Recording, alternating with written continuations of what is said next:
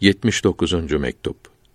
Bu mektup yine Cebbari Han'a yazılmış olup bu parlak dinin geçmiş dinlerin her birini bir araya getirmiş olduğunu ve bu dine uymak bütün dinlere uymak olacağını bildirmektedir. Allahü Teala Muhammed aleyhisselam'ın getirdiği parlak dine uymak ve bu doğru yolda ilerlemek böylece rızasına, sevgisine kavuşmak nasip eylesin. Çünkü Allahü Teala bütün isimlerinin ve sıfatlarının kemallerini, üstünlüklerini en sevgili kulu ve rasulü olan Muhammed aleyhisselam'da toplamıştır. Bütün bu üstünlükler kula yakışacak şekilde onda görünmektedir. Ona indirilmiş olan kitap yani Kur'an-ı Kerim bütün peygamberlere aleyhisselam indirilmiş olan kitapların hepsinin hülasasıdır. Hepsinde bildirilmiş olanlar bunda da vardır. Bu büyük peygambere aleyhisselatu vesselam verilmiş olan din de geçmiş dinlerin hepsinin süzülmüş kaymağı gibidir.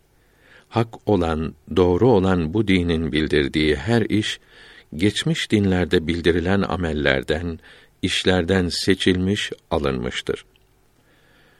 Ayrıca meleklerin işlerinden de seçilmiş, alınmış bulunmaktadır. Mesela meleklerden bir kısmına rükû etmek emrolunmuştur. Birçoklarına secde etmek, başka meleklere de kıyam yani ayakta ibadet etmeleri emredilmiştir. Bunun gibi geçmiş ümmetlerden bazısına yalnız sabah namazı emredilmişti. Başkalarına başka vakitlerin namazı emrolunmuştu. Geçmiş ümmetlerin ve mukarreb meleklerin ibadetlerinden, amellerinden süzülenleri, seçilenleri bu dinde emrolundu. Bunun için bu dini tasdik etmek, inanmak ve bu dinin emirlerine uymak, geçmiş bütün dinleri tasdik etmek ve hepsine uymak olur. Demek oluyor ki bu dini tasdik edenler ümmetlerin en hayırlısı, en iyileri olur. Bu dine inanmayan, beğenmeyen, buna uymak istemeyen de geçmiş dinlerin hepsine inanmamış, hiçbirine uymamış olur. Bunun gibi insanların en üstünü, iyilerin seçilmişi olan Muhammed aleyhisselama inanmayan, o büyük peygambere dil uzatan bir kimse Allahü Teala'nın isimlerinin ve sıfatlarının kemallerine, üstünlüklerine inanmamış olur. Resulullah'a aleyhisselatu vesselam inanmak, onun üstünlüğünü anlamak da bütün kemalleri anlamak ve inanmak olur. Demek ki bu yüce peygambere inanmayan, onun getirdiği dini beğenmeyen kimse ümmetlerin, insanların en kötüsü, en aşağısıdır. Bunun içindir ki Tevbe suresinin 98. ayetinde mealen Arap'ın küfürleri ve münafıklıkları başkalarınınkinden daha şiddetlidir buyuruldu. Farisi iki beyt tercümesi.